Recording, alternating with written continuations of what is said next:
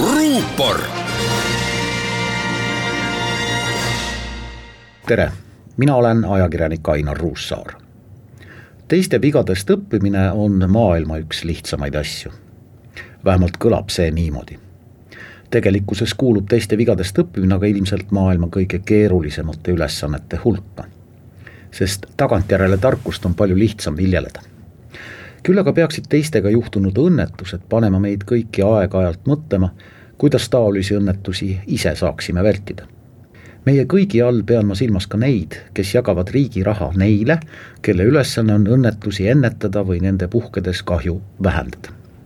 nädal tagasi puhkes Riia südalinnas ühes hostelis tulekahju, mis nõudis kaheksa inimese elu tegemist oli ebaseadusliku majutuskohaga, millele politsei oli enne õnnetust teinud mitu ettekirjutust.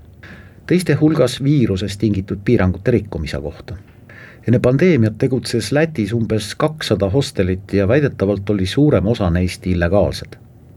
tulekahju pani nüüd lõunanaabrite meedia valitsusele karmilt otsa vaatama ja küsima, mis on juhtunud riigi sisemise julgeolekuga. kas tõesti pole senistest tragöödiatest midagi õpitud? Lõunanaabrid ei unusta kahe tuhande kolmeteistkümnenda aasta kahekümne esimese novembri õhtust tipptundi Riia ühe magalarajooni supermarketis Maxima, mille ostjatele, müüjatele ja turvameestele varises kaela viissada ruutmeetrit poe paneelkatust. selles Läti ajaloo ohvrite rohkemas katastroofis kaotas elu viiskümmend neli inimest. lätlased meenutavad ka tulekahju ühes pealinna elumajas novembris kaks tuhat üheksa, siis hukkus seitse inimest meelest pole läinud ka tulekahju invaliidide pansionaadis Aalsungas kahe tuhande seitsmenda aasta veebruaris, siis jäi tulle kakskümmend kuus patsienti. millal ja mida me nendest sündmustest ometi õpime, küsivad lätlased täna. täpselt sama küsimuse peaksime teatud sagedusega esitama endile ka meie ja meenutama oma katastroofe. kaks tuhat üksteist veebruaris jäi Haapsalu lastekodus tulle kümme inimest, neist kaheksa last tuhat üheksasada üheksakümmend seitse hukkus Halinga hooldekodus tulekahjus kaheksa ja aasta varem Tallinna psühhiaatriahaiglas samuti kaheksa inimest.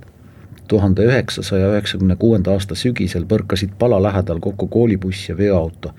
surma sai kaheksa õpilast. aasta hiljem tabas Eesti Kaitseväge rahuaja suurim kaotus, kui Kurkse väina ületamine nõudis neljateistkümne vormikandja elu üheksakümne neljanda aasta veebruari pärastlõunal varises Tallinnas sisse marjapoe katus, elu kaotas kuus inimest. see kõik oli minevikus, võiks nüüd lohutavalt mõelda. jah, oli. aga oleviku sünged arvud räägivad oma keelt. aprillis hukkus vee- ja tuleõnnetustes Eestis kokku neliteist inimest. kümme rohkem kui aprillis aasta varem. kokku on aasta esimesed neli kuud nõudnud kakskümmend kaheksa vee- ja tuleohvrit eelmisel aastal kokku kaotas oma elu niimoodi üheksakümmend neli inimest, meie inimest. ühel hommikul kell kümme on viirus möödas. loodetavasti on see saatusest saadetud õppetund meie alalhoidlikkust ja heas mõttes ettevaatlikkust kasvatanud.